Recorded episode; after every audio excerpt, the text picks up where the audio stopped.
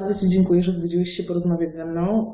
Y, od dawna myślałam o tym, y, jak mało wiem tak naprawdę na temat osób, z którymi pracuję, a nie mam kontaktu. A wiem, że to jest Twoja specjalność. Y, poprosiłabym Cię, żebyś powiedział trzy słowa o sobie. Dlaczego powiem, skąd my się znamy.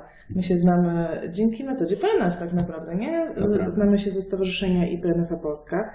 Razem gdzieś takie mam poczucie, że razem gdzieś ciągniemy tą metodę, żeby wychodzić do e, szerokiej grupy ludzi, żeby pokazywać, jak fajnie można ją wykorzystać. E, ale to, co mnie dzisiaj sprowadza do ciebie, to są pacjenci. I aż się boję użyć tego słowa. Okej, okay. dlaczego śpiączka, dlaczego z tobą? Kim jesteś? Dziękuję za, za tą rozmowę, bo ta rozmowa jest ważna i nie ukrywam, że jak dzwoniliśmy do siebie kilka miesięcy temu i szykowaliśmy się do tego, to tak naprawdę Miałem burzę w głowie, ogromną burzę w głowie, bo mimo to, że zajmuję się pacjentami w śpiączce od kilkunastu lat, to też mam wątpliwość czasami, jak postępować. E, to prawda, spotkaliśmy się na metodzie PNF i to jest bardzo fajne. Oczywiście ci, którzy skończyli koncepcję PNF, mogą również używać wzorcu e, PNF i zasad PNF. One są bardzo, bardzo ważne. Trzeba tylko je trochę zmodyfikować, aby podpasować je pod możliwości chorego. Nie będę mówił o ograniczeniach. Tak. Większość osób, y, jeśli chodzi o pacjentów śpiączce, śpiączka wezmę w cudzysłów. Tak, zaraz, zaraz wrócimy do tego. Tak. Zaraz odwrócimy to i powiem dlaczego. Y, ma jakieś y, przekonanie o sposobie terapeutycznym i oczywiście to przekonanie dawno temu było słuszne. Jeśli chodzi o pacjentów w śpiączce, może tak zacznę, no to tak naprawdę ci pacjenci, o których mówimy w śpiączce, to są ci pacjenci, te osoby, które przebywają jeszcze na oddziałach intensywnej opieki medycznej. Bo pamiętajmy, że śpiączka przechodzi no później w stan. Co to jest ta śpiączka? Ja bym chyba od tego zaczęła. Wiesz, bo tak się mówi śpiączka, śpiączka, mam pacjenta w śpiączce, wiesz co, on już śpi rok. No to co to jest ta śpiączka? To co, on zasnął i śpi? Mhm. Co to jest? Jakby samą opinię, no, może definicję trudno, ja nie lubię definiować. Mhm. Tak bardzo lubimy zdefiniować coś. Mam wtedy wrażenie, że jeśli coś zdefiniujemy, to przejmujemy kontrolę nad tym, co definiujemy, a to tak nie jest. E, ale są opinie na temat śpiączki, opinie na temat świadomości. E, śpiączka sama w sobie jest efektem e, uszkodzenia mózgu, albo stanu ekspansywnego, albo stanu takiego nagłego, typu udar mózgu ciężki, uraz czaszkowo-mózgowy, to są te, te uszkodzenia ogniskowe, czy też guzy mózgu. Natomiast no, są też takie stany, w których mm, u pacjenta dochodzi do niedotlenienia mózgu, mimo o charakterze rozlanym. Czy możemy je podzielić na charakter ogniskowy, to są te... Czy miejscowe, takie miejscowe. któreś miejsce mózgu zostało uszkodzone, już abstrahując od tego na e, co je Przyczyna, oczywiście. Tak? Czy tak, tam był wylew, czy tam, mhm. czy tam, nie wiem, niedokrwienie, czy to był guz, tak? Dokładnie Coś się tak. stało w miejscu. Ogólnie rzecz biorąc. Druga grupa, druga grupa naszych to są ci, te osoby, które, których mózgi zostały uszkodzone w sposób rozlany. Na przykład zatrzymanie mhm. akcji krążenia, zespół poreanimacyjny, gdzie mhm. pacjent jest reanimowany, dochodzi do niedotlenienia ośrodkowego układu nerwowego i i cały mózg I cały jest niedotleniony mózg. i on jest cały uszkodzony wszędzie równo. Tak, oczywiście. Ogólnie. ogólnie. można tak powiedzieć, że, że, że tak jest. Bardzo często charakterystyczną rzeczą jest obrzęk. I ten obrzęk mhm. również może, y, może być stanem takim rozlanym. Są też uszkodzenia aksonalne. Mhm. To są te uszkodzenia y, trudne do diagnostyki, szczególnie w zakresie tomografii komputerowej. Trzeba użyć tutaj rezonansu magnetycznego, mhm. żeby zobaczyć ale tym już się zajmują koledzy lekarze diagności. Powiedzmy, gdzie... co to znaczy, bo część osób ogląda nas, którzy nie studiowali anatomii. Akson to jest to długie w komórce tak. nerwowej, to jest ten ogon komórki nerwowej tak. i uszkodzenie aksonalne to jest jakieś zniszczenie, bo niekoniecznie to musi być zerwanie, ale to może być jakieś zniszczenie. Krótko mówiąc, efekt shakera.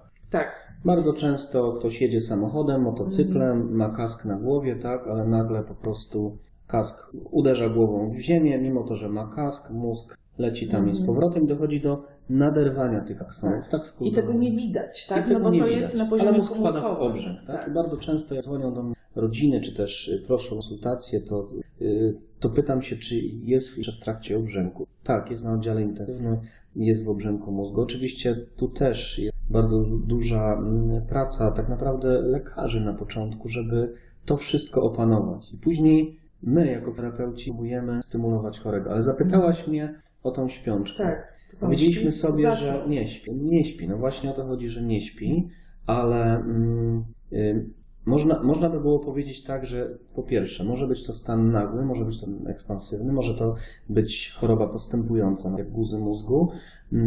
Może być to też próba powieszenia no, i utopienia. No, powieszenie jest taką najgorszą ośrodkowego układu nerwowego. Każdy lekarz to powie, że to jest napływ, odpływ jest zamknięty ten mózg naprawdę bardzo szybko e, zostaje zniszczony. I tak naprawdę nie wiemy na początku, jak daleko się to Potem obrzęk postępuje, tak? Czyli inaczej Do jest w dobie dni. numer jeden, a inaczej jest w dobie numer trzy. Lekarze to wiedzą, że i robią pacjentowi badanie zazwyczaj codziennie, żeby zobaczyć w jakim kierunku to idzie. Czasami oczywiście proszą też, y, y, jest wskazanie takie, aby zrobić y, otwarcie czaszki, odbarczyć po prostu, bo czaszka jest jak wiemy zamkniętą puszką. Jeśli mózg się tam nie mieści, to zaczyna się obrzęknięty wpychać. Idzie w dół. Uszkadzając po drodze całą resztę. Tak? Jak dojdzie do pnia mózgu, gdzie, gdzie w pniu mózgu mamy ośrodki oddechowe, no to pacjent wtedy nie jest w stanie zejść z respiratora. I to jest właśnie inną rzeczą zupełnie zespoły zamknięcia, tak zwane LIS, Locked In Syndrome, gdzie mm, pacjenci bardzo często są pomyleni. I zaraz opowiemy sobie o tej skali e, Gleason. Mieliśmy małą przerwę, ale nie szkodzi. Bardzo dobrze, że ta przerwa wyszła, ponieważ ja bym chciała, e, żeby to padło e, z Twoich ust konkretnie, co to znaczy, że pacjent jest w śpiączce? I czy wszystkie śpiączki wrzucamy do jednego worka, że to jest ciągle jeden i ten sam pacjent, czy co to jest ta śpiączka konkretnie? No, definicja. Zdefiniujmy to, a później o Tak. tej definicji podyskutujemy. To jest stan głębokiej, zaburzenia głębokiego świadomości lub też stan, w którym z pacjentem nie można się kontaktować. I tak ogólnikowo. mam, No właśnie. nie, mo- nie można się skontaktować. Z wieloma nie mogę się skontaktować. A są zdrowi i chodzą po ulicy. Oczywiście, że tak czasami y, mówię, że łatwiej mi jest skontaktować się z dziesięcioma osobami śpiącymi niż z kimś, z kim potrzebuję y, naprawdę się skontaktować. Tak, to prawda. I tu zaczyna się właśnie ten kłopot. Jeśli to jest stan zaburzenia świadomości, to trzeba zróżnicować teraz. To, o czym rozmawiałem z kolegami, y, zresztą jednym z kolegów, serdecznie pozdrawiam, Jarka Kostyłę, który kiedyś y, i do dzisiaj jest lekarzem medycyny ratunkowej, zresztą zastępcą konsultanta wojewódzkiego w dziedzinie medycyny ratunkowej w województwie opolskim. Genialny lekarz. Właśnie taką dyskusję prowadziliśmy. I zapytałem go, Aha, skalę Glasgow, tak? super. No bo do tego I dochodzimy do dochodzimy sedna. do sedna, tak? Że tu właśnie zaczyna się problem, że większość ludzi bada takiego pacjenta skalą Glasgow. Y, I ona bardzo często jest opisywana jako ta, która powinna być stosowana w zaburzeniach świadomości. Tak. Ale musimy teraz odróżnić świadomość od przytomności. Tak, y, trzy słowa, dosłownie trzy słowa dla osób, które nie mają pojęcia, czym jest skala Glasgow. Dziękuję. Dosłownie trzy Mhm. słowa. Skala Glasgow jest skala, która powstała na potrzeby medycyny ratunkowej. Przekazuję to od kolegów Mhm. lekarzy, którzy są Mhm. lekarzami medycyny ratunkowej, aby jak znajdziecie pacjenta nieprzytomnego, e, żeby sprawdzić, czy on jest przytomny, czy on Tak. reaguje na bodźce. Jak bardzo jest nieprzytomny. W sensie reaguje albo nie reaguje, bo to jest dość prosta skala. No albo odpowiada, albo nie odpowiada, jak ja go Dokładnie. tam w cudzysłowie Ona szturchnę. składa się z trzech części, każdy z Państwa może sobie sprawdzić, ale generalnie polega na tym, że zadajemy człowiekowi ból, szczypiąc go i patrząc, Mhm. czy on reaguje, czy on nie reaguje. Skala dzieli się na dwie części. I jedna część jest na podstawie zadawania pytań, druga część natomiast na podstawie zadawania bólu. Ale to, że ktoś nie odpowie, a może jest głuchy, głuchy na przykład. Mhm, tak? Weźmy tak. sobie, że znajdujemy albo chcemy iść zbadać pacjenta, który jest w śpiączce, ale przedtem jeszcze był głuchoniemy, tak? I, Tak. i pół skali właściwie już jest, jest trudno, Tak. tak. I teraz jest druga grupa pacjentów. Nie można oceniać świadomości człowieka, bo świadomość jest bardzo szerokim pojęciem. Tak, właśnie odróżnijmy to, że świadomość to jest jedno, a przytomność to jest drugie, więc mogę Dokładnie. być świadoma, a nieprzytomna, na przykład y, we śnie, tak? Jak mam marzenia senne, no to gdzieś tam ta moja świadomość szaleje, produkuje y, jakieś obrazy, ale ja absolutnie nie jestem przytomna wtedy, bo nie ma ze mną kontaktu. Bo nie ma z tobą kontaktu. Tak, Okej, ale twoja świadomość. ale świadomość pracuje jak najbardziej, bo jestem zdrową, normalną osobą, tylko w tym momencie kwalifikuję się w brak przytomności po śpiach. Można by było tak powiedzieć, Nie? jak najbardziej. I tu zaczyna się kłopot, y, jak ocenić takiego chorego. Bardzo, czy może nieczęsto, spotykam też pacjentów właśnie z zespołem zamknięcia. I tu jest kłopot, dlatego że jeśli, jeśli mają uszkodzenia tylnych, dolnych struktur środkowego układu nerwowego, y, a tam między innymi w lakoniczny sposób, tak Państwu wytłumaczę, łączy się wszystko, co płynie z ciała do mózgu i w drugą stronę. Spotkałem kiedyś kilkunastu takich pacjentów, i to było widać nawet po przeglądaniu tomografii komputerowej, że pozostałe struktury odpowiedzialne za ruch, za myślenie abstrakcyjne, za, e, za, za, za, za, za, za węch, za słuch, y, były prawidłowe.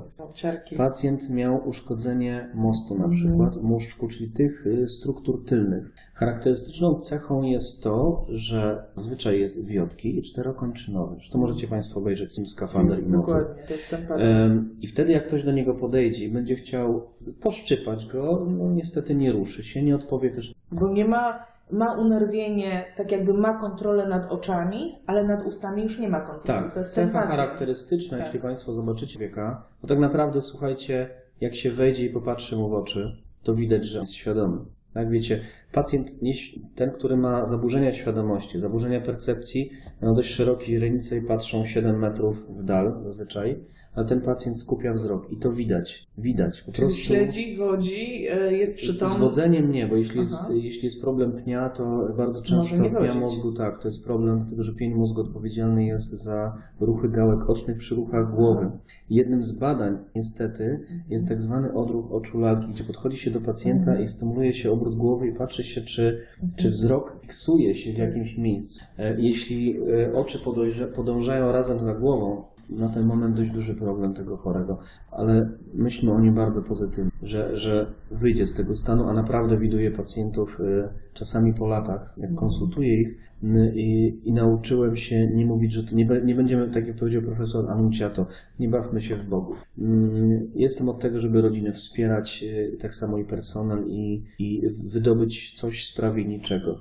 Tym się właściwie zajmuję. I teraz, jeżeli weźmiemy sobie takiego pacjenta, który, no niestety, ale w tej skali Glasgow, nie odpowie na pytania, nie reaguje na bodźce, jest wiotki czterokończynowe, jest zależny od respiratora, no to ktoś może uznać, ok, on Śpiączka. jest nie, w śpiączce, No, on z, jest z premedytacją tak. to użyłam tego Śpiączka, słowa. Tak. tak. Zaraz wrócimy do tego. Śpiączka tak naprawdę y, może być farmakologiczna, jeśli nie jest farmakologiczna, trwa do dwóch tygodni. Tak, właśnie a potem jest- pacjent przechodzi w stan. Tak, czyli, bo to było dla mnie ciekawe, ja o tym nie wiedziałam, wiesz? E, Czyli trafia pacjent na oddział z jakimś problemem, Mhm. tak?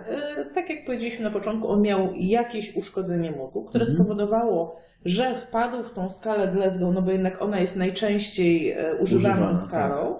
Więc w tym momencie jego diagnoza będzie, że jest w śpiączce, Mhm. ale ta diagnoza ma rację bytu do dwóch tygodni, tak? I co Tak. się dzieje po tych dwóch tygodniach? No i po tych dwóch tygodniach, jeżeli pacjent albo wychodzi z tego stanu, a takich pacjentów y, miewamy również, że po dwóch bardzo szybko wracają do siebie. Że Jeśli nie było obrzęku, jeśli tam były jakieś małe krwiaki, które ja bardzo lubię, przepraszam, to powiem, ale lubię krwiaki. Och, E, po, po, po wypadkach komunikacyjnych, dlatego że one fajnie się wchłaniają, e, to bardzo szybko z pacjentem może być kontakt. Ja czasami tych pacjentów w sklepach widuję.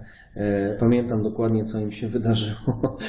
Nie pamiętam imion i nazwisk, ale pamiętam To jak... ty leżałeś tam trzecie łóżko od lewej, to Dzwonią na święta, No, e, składają życzenia urodzinowe, kontaktują się ze mną. To jest takie fajne, wysyłają pozdrowienia, wysyłają. E, ostatnio e, Patryk z Olesna e, wysłał e, z aplikacji, że 3 km po parku przeszedł, e, a pamiętam jak, jak był e, przewieziony teraz z oddziału intensywnej opieki medycznej do nas do ośrodka i bardzo fajnie z tego wrócił. Oczywiście to, to co zauważyłaś, powiedziałeś przez chwilę o śnie, Ludzie nie budzą się od tak. Ludzi, którzy obudzili się od tak, powiem szczerze, działem raz w życiu. Czyli Jedną te wszystkie dziewczynkę- filmy to jest ściema, że on spał 10 lat i nagle otworzył oczy. Nie, Oto ja. nie, nie jest ściema. Może tak się przytrafić, ale to jest bardzo rzadkie. Kiedy to się przytrafi? Przytrafi się to y, pacjentom, którzy y, i to było trzech moich pacjentów, y, mieli guza w obrębie pnia mózgu. A tam, jak mówiliśmy, jest twór siatkowaty odpowiedzialny za sen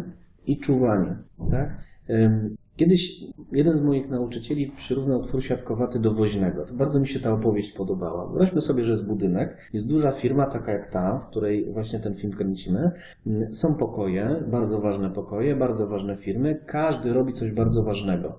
Ale wyobraźmy sobie teraz, że tworem siatkowatym jest facet, który posiada klucze i wyłącza alarm.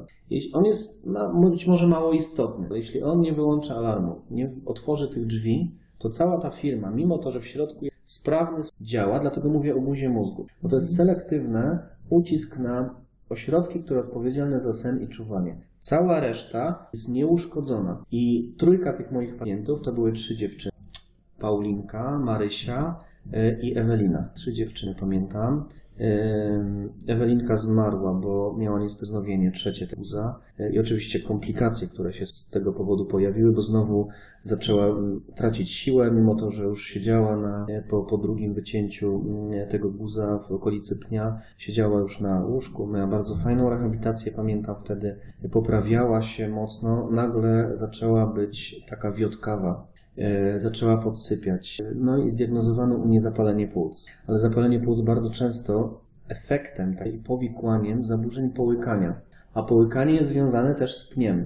W związku z tym, kiedy wprowadzili ją śpiączkę farmakologiczną, e, nie chciałem tego mówić rodzinie, ale miałem wrażenie, że niestety jest wznowa tego guza i stąd problemy z połykaniem i stąd zapalenie płuc. Czyli mówimy już o efektach, o efekcie wtórnym, a nie efekcie pierwotnym. Yy, Marysia jest dziennikarką, Paulinki yy, nie widziałem. Yy, Paulinka obudziła się właściwie po roku. Pamiętam, że zadzwonił do mnie jeden z kolegów, anestezjolog, który, który prowadzi hospicjum domowe dla dzieci. Powiedział, że chciałby, żebym pojechał z nim na konsultację aż pod granicę, no bo nikt jeszcze nigdy mi się nie obudził. A tu nagle coś takiego. Yy, Być może zbieg okoliczności, ale Paulinka obudziła się dwa dni po tym, jak kupiono psa do domu. Ten pies biegał po łóżku, lizał ją i tak dalej, i tak dalej. E, Więc Paulinka miała rehabilitację, bardzo fajną. E, W związku z tym, że ci pacjenci zazwyczaj nie są z PAWE, e, tylko są wyjodcy. Ktoś, pani magister, która tam przychodziła, starsza już dziennie dbała o nią. No i wyobraźcie sobie, że w świetnym stanie e, rehabilitacyjnie. Obudziła się y, mówiąc, mamo, chce mi się pić. Mama jak stała, tak padła oczywiście. Mm, Paulinka miała taki bardzo ciekawy syndrom, bo mm, pierwszy raz mi się zdarzył taki pacjent i chyba drugi raz już się nie zdarza. Oczywiska w przyrodzie bywają powtarzalne. Oby nie, obym nie musiał. Chciałbym w ogóle, żeby moja praca była nikomu nie ale co? Paulinka miała taki syndrom, że przespała dojrzewanie. Usnęła jako dziewczynka, obudziła się kobietą. E, Więc e, nasza terapia była bardzo specyficzna. Musiałem bardzo e, pilnować tego, co mówię, jak mówię. Oczywiście popełniłem kilka radykalnych błędów, o których wtedy nie miałem pojęcia, było tych lat temu, gdzie wiesz, chciałem ją stymulować, robiłem PNF, tak, y, oczywiście wkładka piersiowa, stymulowałem miednicę, y, niestety wzbudziło to w niej zupełnie inne skojarzenia, y, więc jak tylko mama wyszła na zakupy, to miała dla mnie kilka propozycji. Musiałem to ogarnąć. Ale powiedzmy, Ciekawe, ciekawe wiesz było to, że... Ci przerwę, ale to jest dla mnie bardzo ważne, żeby wybrzmiało to, że zachowania pacjentów, które można odbierać jako dziwne, są elementem ich choroby i tak powinniśmy je interpretować jako terapeuci. Tak, Bo nawet i- wiesz, nie nie choroby, tylko- tylko stanu. No Tak, bo to już nie jest choroba. Tak, w tym On już jest w wypadku. stanie jakimś, prawda? Ja myślę troszkę szerzej pod kątem na przykład pacjentów neurologicznych typu zespół zaniedbywania, zespołu Bushera, wszelkich zaburzeń A. poznawczych, które się przytrafiają. I generalnie chciałabym to wrzucić do jednego worka, że to, co widzimy u pacjenta, y, jakby nie jest naszą winą, nie jest jego winą, jest elementem problemu, który on ma i tak trzeba go traktować i nie obrażać się, nie oburzać się, y, tylko rozwiązać sytuację, zastanowić się jako terapeuta, co ja mogę zrobić tu i teraz, żeby wciąż być jej w stanie pomagać, ale odpowiedzieć na tą sytuację, która się zdarzyła. Nie wiem, czy ty się ze mną zgadzasz, że, że, że to, jest, to, jest, to, jest, to jest pierwsza z tych trudności, z którymi się spotykamy, kiedy mamy pacjentów neurologicznych tak naprawdę. E, Trudność, e, mówimy teraz właśnie to co, to, co powiedziałaś, a bardzo ładnie to ujęłaś, to jest problem w ogóle percepcji. To jest problem e, tego, jak mózg przetwarza, jak umysł, bo mózg to struktura, umysł to już wyższa, wyższa forma e, jego egzystencji, istnienia, ale jak umysł przetwarza informację płynącą. Ciekawe jest to, że jeżeli faktycznie pacjent jest w tej śpiączce na początku, y, to po obudzeniu się ten mózg próbuje nadrobić i tworzy sobie własną rzeczywistość, takiego awatara tego, co się dzieje. Ciekawostką jest to, że wielu pacjentów, którzy robili bardzo dziwne rzeczy, i miałem kiedyś nagranych 86 wywiadów z pacjentami e, moimi, którzy budzili się. Niestety twardy dysk mi zginął, e, zostawiłem go na sali wykładowej. i Tak, już na kongresie. PNF, na którym były nagrane wzorce łopatki pod rentgenem robione i e, u pacjentów z rozróżnikami serca. Ja to pamiętam jak dziś i bardzo żałuję, że tych nagrań nie ma. Udostępnić. Cudownie. Tylko dla Ciebie, nie problemu. Tylko dla mnie. Ja chcę to pokazać światu. okej, nie ma No, problemu, obiecał. oczywiście. Obiecał. Ciekawe jest to, że osoby, które się budzą, y, miesza im się rzeczywistość z wyobrażeniami i ze wspomnieniami. I teraz wyobraźmy sobie, że może to być bardzo różne. Czy tłumaczyć? Kiedyś rozmawiałem z kolegą psychologiem z Łodzi, przyjeżdża do Częstochowy i tam wspólnie konsultujemy osoby w Stanach, dyskutujemy też na tematy. Bardzo ciekawe jest to, że zadałem mu takie pytanie, no ale jeżeli on ma swoje wyobrażenia, on egzystuje w jakimś świecie i to jest jego świat. Ten świat może być totalnie różny, może mieć różne barwy, barwy różne kolory.